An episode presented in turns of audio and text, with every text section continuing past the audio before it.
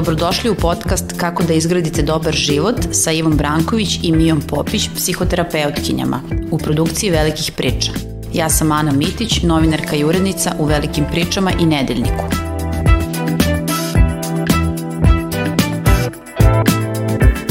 Ne propusti neverovatne akcije, na laži i neproverene informacije. Manipulacije u omotu, gratis. Laži bele domaće, tri po ceni jedne. Prazne priče više vrsta, besplatno. Ne žuri, zalihe traju. I trajaće. Čitaj ono što je važno. Pretplati se na velike priče. Ne znam koliko vas je čulo za imposter sindrom, ali sam sasvim sigurna i ako niste čuli da ste se u nekom trenutku života uh, osjećali ili imali jedan skup uh, osjećaja i osjećanja koji bi mogao da spada pod to što se naziva uh, imposter sindrom. U bukvalnom prevodu imposter sindrom znači sindrom varalice ili prevaranta, a odmah ću zamoliti uh, Miju Popić uh, da nam objasni uh, o čemu se radi, šta je to imposter sindrom. Imposter sindrom je jedan doživljaj da koliko god uspešni bili ili kakvo god postignuće imali iza sebe, pitanje je trenutka kada će svet da shvati da ste vi zapravo sve ljude prevarili, da je to sve bilo stvar sreće i e, pitanje trenutka kada će da se pokaže da vi zapravo nemate pojma. Znači u nekom svom najekstremnijem obliku to je doživljaj da ste prevarili ljude, znači ne da ste ih stvarno prevarili, nego doživljaj da ste ih prevarili i da sve što ste postigli će samo prosto kao neki balon da, da pukne i toga više neće biti. Da li je to neka vrsta sumnje u sebe, u to da mi ne možemo da postignemo neki uspeh? Koliko sam ja razumela, proučavajući malo šta znači imposter sindrom, to je ono kada se ti postigao neki uspeh i ostvario neki svoj cilj, nešto što si zacrtao, a onda kao da imaš problem da priznaš da si ti sam došao ili sama do, došla do toga e, i zbog toga imaš taj osjećaj da si ti prevarant i varalica, da ti ne zaslužuješ taj uspeh, da e, si došla do toga, došao e, zato što si imao sreć ili zato što su ti pomogli neki drugi ljudi. Kao da imaš problem da uživaš u tome što si postigao. Tako je. Tako je, upravo kao što si opisala. Dakle, to je jedno stanje sumnje i večitog preispitivanja da li smo mi stvarno toliko dobri u nečemu nečemu i paradoksalno što više dobijamo spoljnih priznanja ili nekih vrlo um, objektivnih pokazatelja da nam ide, e, to se pojačava sumnja i preispitivanje da li smo stvarno toliko dobri. Tako da da, jedno e, izraženo sumnjanje u sobstvene sposobnosti i postignuće. A koje su to karakteristike? Nešto smo spomenuli. Kako recimo neko da zna uh, da pati od tog uh, sindroma, ako možda je prejako da se kaže mm. da se pati od tog sindroma, jer to nije nikakav nikakav poremeć, je li tako? Mm, ne, naravno, to nije poremeć i to je prosto jedna sklonost koju imaju ljudi, i sad to je meni zanimljivo, ko su stvari ljudi koji imaju imposter sindrom. Ono što nam e, naučne studije kažu, a meni se to stvarno nekako potvrdilo i kroz e, psihoterapijsku praksu, je da imposter sindrom češće imaju ljudi koji zapravo su vrlo uspešni i koji su u određenoj sferi eksperti. Znači, to je ono kada si veoma stručan, ali nisi mnogo samopouzdan, to jest nemaš doživljaj samopouzdanja i što više razvijaš svoju stručnost, ti sve više dovodiš u pitanje to koliko znaš. U tome će se lepo prepoznati ljudi koji su zapravo vrlo temeljni u tome što rade. Uh, um, koji imaju neku vrstu perfekcionizma, uh, dakle zaista teže ka nekoj izvanrednosti i izvrsnosti i vrlo visoke standarde postavljaju sebi. I ono što ume da bude mučno u celoj ovoj priči, iako ćemo danas govoriti i o manama, ali i o prednostima impostor sindroma, mislim da je važno negde ukazati i na neke njegove benefite, ali ono što može da bude mučno u ovoj priči jeste taj doživljaj da nikada nije dovoljno dobro i da stalno mora nešto novo da se e, gradi i to neko večito preispitivanje kao što sam malo pre spomenula. Da, stalno neka sumnja da. a, a, u, u sebe. A, a šta bi bilo suprotno od im, imposter sindroma? Možda, možda ćemo na taj način lakše da objasnimo šta je, šta je imposter sindrom i, i možda će se neko lakše prepoznati ako mu objasnimo šta je suprotnost od toga. Da li su to oni ljudi koji su uh, uvereni da, da su najbolji u svemu iako, i koji realno ne, ne, ne mogu sebe da, da procene, ne uviđuju neke svoje mane i tako dalje. Upravo tako i mnogo je zanimljivo što i suprotnost ima svoj sindrom, zove se Daniel Krugerov sindrom. Mm, super. I ajde sad malo da ih uporedimo. Dakle, imposter sindrom je svojstvo ljudima koji su najčešće eksperti u datoj oblasti, koji imaju neka merljiva postignuća iza sebe i stalno dovode u pitanje to koliko su zapravo vešti i to je ono što više stiču znanja, to su sve svesni da ne znaju. Dakle, oni neguju neku vrstu sumnje i skromnosti. Ništa im se ne podrazumeva i to su redko ljudi koji će reći za sebe da pucaju od samopouzdanja, zapravo će mnogo češće izraziti i vrlo otvoreno reći šta sve ne znaju. Suprotno tome, Daniel Krugerov sindrom su ljudi koji smatraju da su vrlo samopouzdani i koji će možda čak i znati o svemu pomalo, ali u nekom trenutku ćeš skapirati u razgovoru sa njima da je to malo šuplje i da je to od svega pomalo znam da učestvujem u raznim nekim razgovorima, ali nisam ekspert ni za jednu oblast, nego sam ekspert za sve ovaj, pomalo. E sad, možda je najbolje da ti ovo ispričam kroz jedan vrlo zanimljiv eksperiment koji je rađen u jednom, e, ja sam čitala o tome u jednom naučnom članku koji ima vrlo politički nek, nekorektan naziv, a zove se Mladi seratori, mm -hmm. uh, Young Bullshitters. Znači, ozbiljna naučna studija, eksperiment u kome su um, podelili dve grupe ljudi, matematičara i inženjera, studenta, na završnim, ja mislim, godinama studija, podelili su ih u dve grupe na osnovu toga koliko sebe procenjuju na samopouzdanju, znači koliko kažu da su samopouzdani. Onda su im dali 25 matematičkih koncepata da procene koliko su sa njima upoznati, pri čemu su im podvalili tri koje ne postoje. I verovatno te neće iznenaditi da oni koji su vrlo samopouzdani su za ta tri matematička koncepta rekli da, vrlo, smo vrlo znamo šta je to i vrlo smo upoznati sa tim. Nasuprot ovih koji su bili vrlo umereni u proceni toga koliko su samopouzdani ili su možda čak rekli da nisu, koji su dali realističnu sliku i prosto rekli mi nikad nismo čuli za ove koncepte. I evo sad se ti zapitaj s kim bi se radije družila, koga bi radije zaposlila i tu zapravo shvatiš koliko imposter sindrom ima i neke svoje prednosti. To je negovanje jedne zdrave sumnje u sobstvene kompetencije i znanja, što nas dodatno motiviše da razvijamo sebe i da stičemo neke nove uvide i, i znanja. Uh, sad ovo što si ispričala mi uh, kaže da su učesnici eksperimenta, ti koji su priznali da ne znaju, stvari bili iskreni.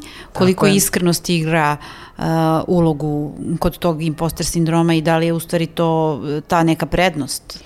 Pa, definitivno je to otvorenost ka sobstvenom iskustvu, ka sobstvenom znanju, ka proceni koliko znamo ili ne znamo. Ne bih ja rekla za ove mlade ljude da su oni namerno lagali. Ja mislim da ono što se desi sa preteranim samopouzdanjem je da ona, ona stvara jednu slepu mrlju u pogledu razumevanja toga šta ne znamo. I e, po tome je Daniel Krugerov sindrom svojstven. Znači, to su ljudi koji prosto precenjuju sobstvene sposobnosti, što ih sputava da zaista stiču nova znanja. Jer ako ti kažeš da sve znaš, onda za tebe prosto nema nekih novih izazova. Uh, sad, ovo što si mi ispričala, ja sam ušla u razgovor sa idejom da je uh, imposter sindrom nešto onako kao baš loše kada mm. je u mhm. pitanju samopouznanja, međutim, kako si ga ti sad objasnila, ublažila si mi mm -hmm. to mhm. razmišljanje. Da. Pa, znaš šta? Nije to tako loše. Pa, nije. Ja sam dugo verovala da jeste, zato što mi je vrlo poznat i lično, a i viđem to u praksi, taj e, mučni osjećaj da nikad nije dovoljno dobro. I na tome svakako treba raditi, da postanemo malo nežniji prema sebi, malo više saosećeni prema sebi, da razumemo da e, prosto određene stvari znamo, na nekima tek treba da radimo i da sebi ne prebacujemo. Znači, to je ta negativna strana imposter sindroma. Ali ja se slažem da mi možda danas treba malo da, ono, nazovemo možda i ovaj podcast pravda za imposter sindrom, zato što e, neki opšti narativ u e, popularnoj psihologiji i u, toj, u tom čitavom self-help pokretu je da ti ne treba da sumnjaš u sebe, da ti treba da veruješ u sebe i da mnogi ljudi uspeju uprkos tome što su sumnjali u sebe. Ali šta ako mnogi ljudi uspeju baš zahvaljujući toj sumnji u sebe. Tom stalnom večitom preispitivanju i proveravanju kako im ide, čega im fali, e, motivacija da prosto to što im fali, da do toga nekako dođu. Znaš, prosto se pitam i što više radim sa ljudima na ovu temu, da ta, to neko preispitivanje, skromnost i neka zdrava sumnja u sebe zapravo uopšte nije loša. Da, da, da, to uopšte nije loše. A zbog čega se javlja imposter sindrom? Da li to ima veze sa uh, crtama ličnosti i karakterom ili je to neki pritisak koji dolazi s polja, kao mm. pritisak društva na da. osobu? Ovo je super pitanje, mislim da je to sad onako kombinacija raznih faktora. Mislim da ljudi koji imaju imposter sindrom sasvim sigurno imaju izražen motiv za postignućem, Dakle, važno im je kako nešto rade, važno im je da budu uspešni u tome što rade. Mislim da vrlo često imaju veliku strast po pitanju određene tematike i onda kako je osvajaju, tako uviđaju da tu ima još mnogo toga. Tako da to su neke, ajde da tako kažem, karakteristike ličnosti. Ali sasvim sigurno i taj jedan e, društveni hajp, ako tako mogu da ga nazovem, koji se tiče e, uspeha i tog pritiska da moramo da budemo e, uspešni, stvara i tim ljudima koji već sami sebe preispituju dodatni pritisak. Mislim, ovde mogu da ti podelim nešto što je onako vrlo e, specifično, nije to sad neki veliki uzorak ljudi ovaj, za koje mogu da, da tvrdim da, da je to slučaj, ali dovoljno, bar sam ih izbrojala na, na desetak um, nekih mojih i, i dragih prijatelja i, i klijenata koji imaju imposter sindrom i koji često sanjaju, imaju učestali san da e, nisu neki ispit položili ili da neku godinu prosto moraju da ponove, kao da se nekim čudom desilo da su pred kraj recimo gimnazije ili fakulteta, ali ostala im je matematika zbog koje moraju da se vrate na prethodni ovaj, nivo, razred ili kako god, da bi završili tu matematiku ili neki drugi predmet. I taj san zapravo dosta dobro opisuje osjećaj da uvek fali nešto, da je samo pitanje trenutka kad će da se ispostavi da tebi fali nečega i da moraš da se vratiš unazad. Ja mislim da to dosta dobro opisuje ovaj, čitavu tu psihološku sliku imposter sindroma. Ideš napred, napreduješ, ali sve vreme se pitaš šta će da te vrati nazad i, i kad će.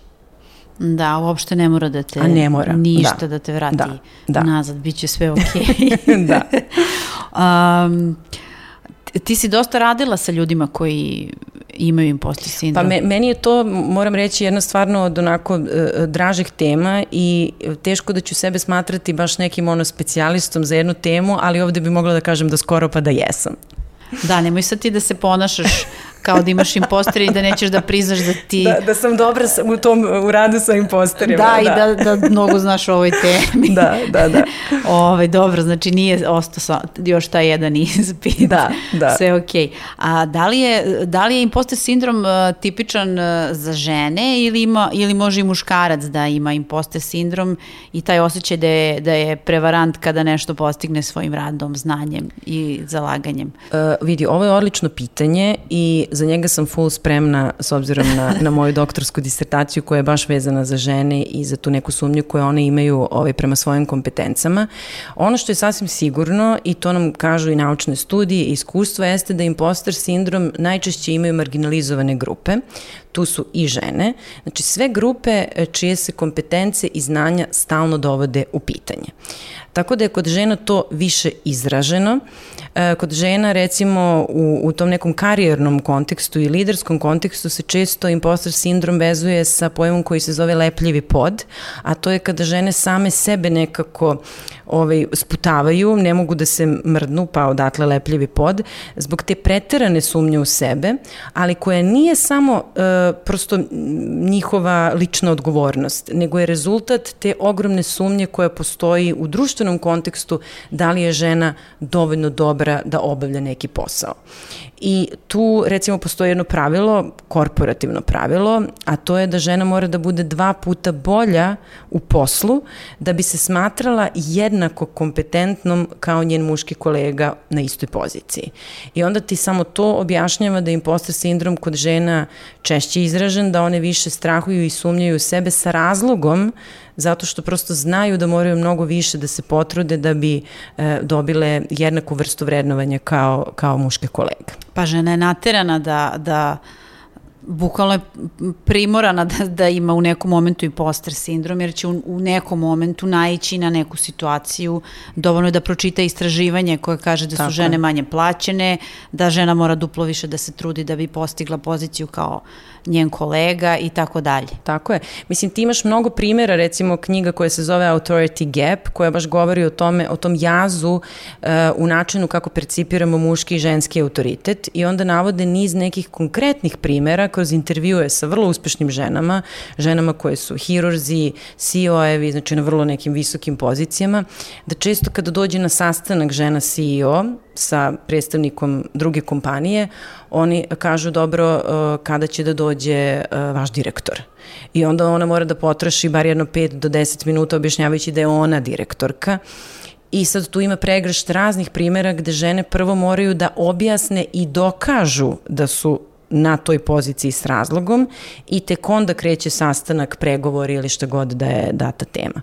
Tako da da, ženama definitivno ovaj, u ovom pogledu nije lako i kod njih je imposter sindrom zbog tih sistemskih i društvenih faktora izraženiji. Navešću primer, recimo Michelle Obama je govorila o tome da da ima da je imala imposter sindrom, u stvari da joj se po, povremeno javljao i, i u različitim fazama a, života, a skoro sam gledala jedan video gde Eva Longoria priča o imposter sindromu i ona kaže a, da je patrijarhat razlog zbog kojeg se javlja taj imposter Absolutno. sindrom, a, da žene treba da se osjećaju kao da ne pripadaju, a, da budu ponizne i zahvalne što eto imaju a, neki posao koji rade, jer je to njima to je to je njima neko dao, nisu one to tako je. zaslužile, tako bi trebalo da se osjećaju. Znaš šta, tu postoji jedan um, jedan uh, vrlo specifičan uh, eksperiment koji nam može najbolje objasniti zašto im postoje sindrom izraženi kod žena, a to je kod onih ljudi koji su živeli život uh, u oba roda. Pojasnit ću šta i to su mi to zovemo kao neki prirodni eksperimenti, dakle ljudi koji su prošli kroz ovaj, tranziciju i prosto transrodne osobe, koje daju svoje primere baš u toj knjizi Authority Gap, jedan od tih primera na Harvardu, znači sad zamisli Harvard vrlo kao napredna sredina, e, opisuje e, u toj knjizi čovjek svoje iskustvo e, koji je e, ovaj, prešao u e, ženski rod, da ako se ne veram, znači pre toga je e, bio muškarac i e, opisuje kako je njegov život odjednom postao potpuno drugačiji sad kad je žena i kako neke stvari koje su se ranije podrazumevale u smislu uvažavanja njegove ekspertize, on sad mora da objašnjava. I to kad čitaš, to je potpuno neverovatno i mogu samo da zamislim kako je toj osobi kada shvati razliku, pritome u jednom akademskom kontekstu koji bi se nekako smatralo vrlo, vrlo naprednim. Tako da, mislim, o tome bi baš mogla dugo da, da pričam, ali da, sasvim sigurno da im posle sindrom ne gađe na isti način uh, oba roda. Već smo rekli da to nije ni poremećaj, ni oboljenje, već jedno iskustvo sa kojim se neki uh, uh, suočavaju. Kako izgleda terapija ili psihoterapija uh, kada postoji imposter sindrom?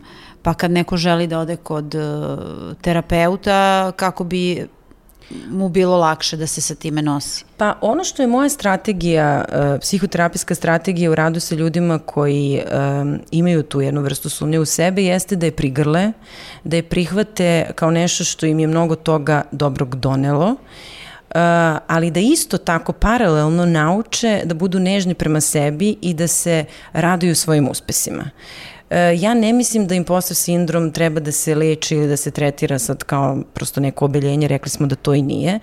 E, mislim da treba da se nauči kako da se prihvati i da se razume da negovanje te neke fine, zdrave sumnje u sebe je ono što nas postiče da se razvijamo, da učimo, da stičemo nova znanja i ja često i kažem svojim klijentima da nisam sigurna koliko je to samopouzdanje uh, na, na način kako se danas plasira i promoviše kao, znaš, ono, pet koraka do samopouzdanja i uopšte taj nabildovani ego, mislim da nam ništa dobro ne da i da ako bismo baš morali da biramo između ta dva, ja bi uvek nekako radije izabrala ovu zdravu e, sumnju u sebe i paralelno se tim radila na negovanju saosećajnosti.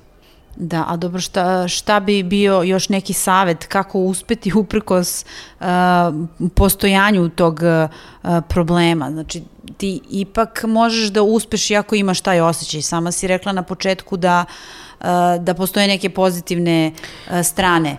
Da, pa čak ne isključuje ne, uspeh, ne isključuje Pa ja mislim uspeh. da baš suprotno, ne da, da ga ne isključuje, nego ono što nam studije, iskustva i praksa kažu jeste da oni ljudi koji neguju zdravu sumnju u sebe zapravo postižu ovaj, veći uspeh. I da je potrebna zapravo određena doza skromnosti da bi imalo šta da se nauči. Jer ako ti nemaš tu skromnost, ti nemaš što da naučiš, a uspeh bi trebalo da bude baziran na nekim novim učenjima.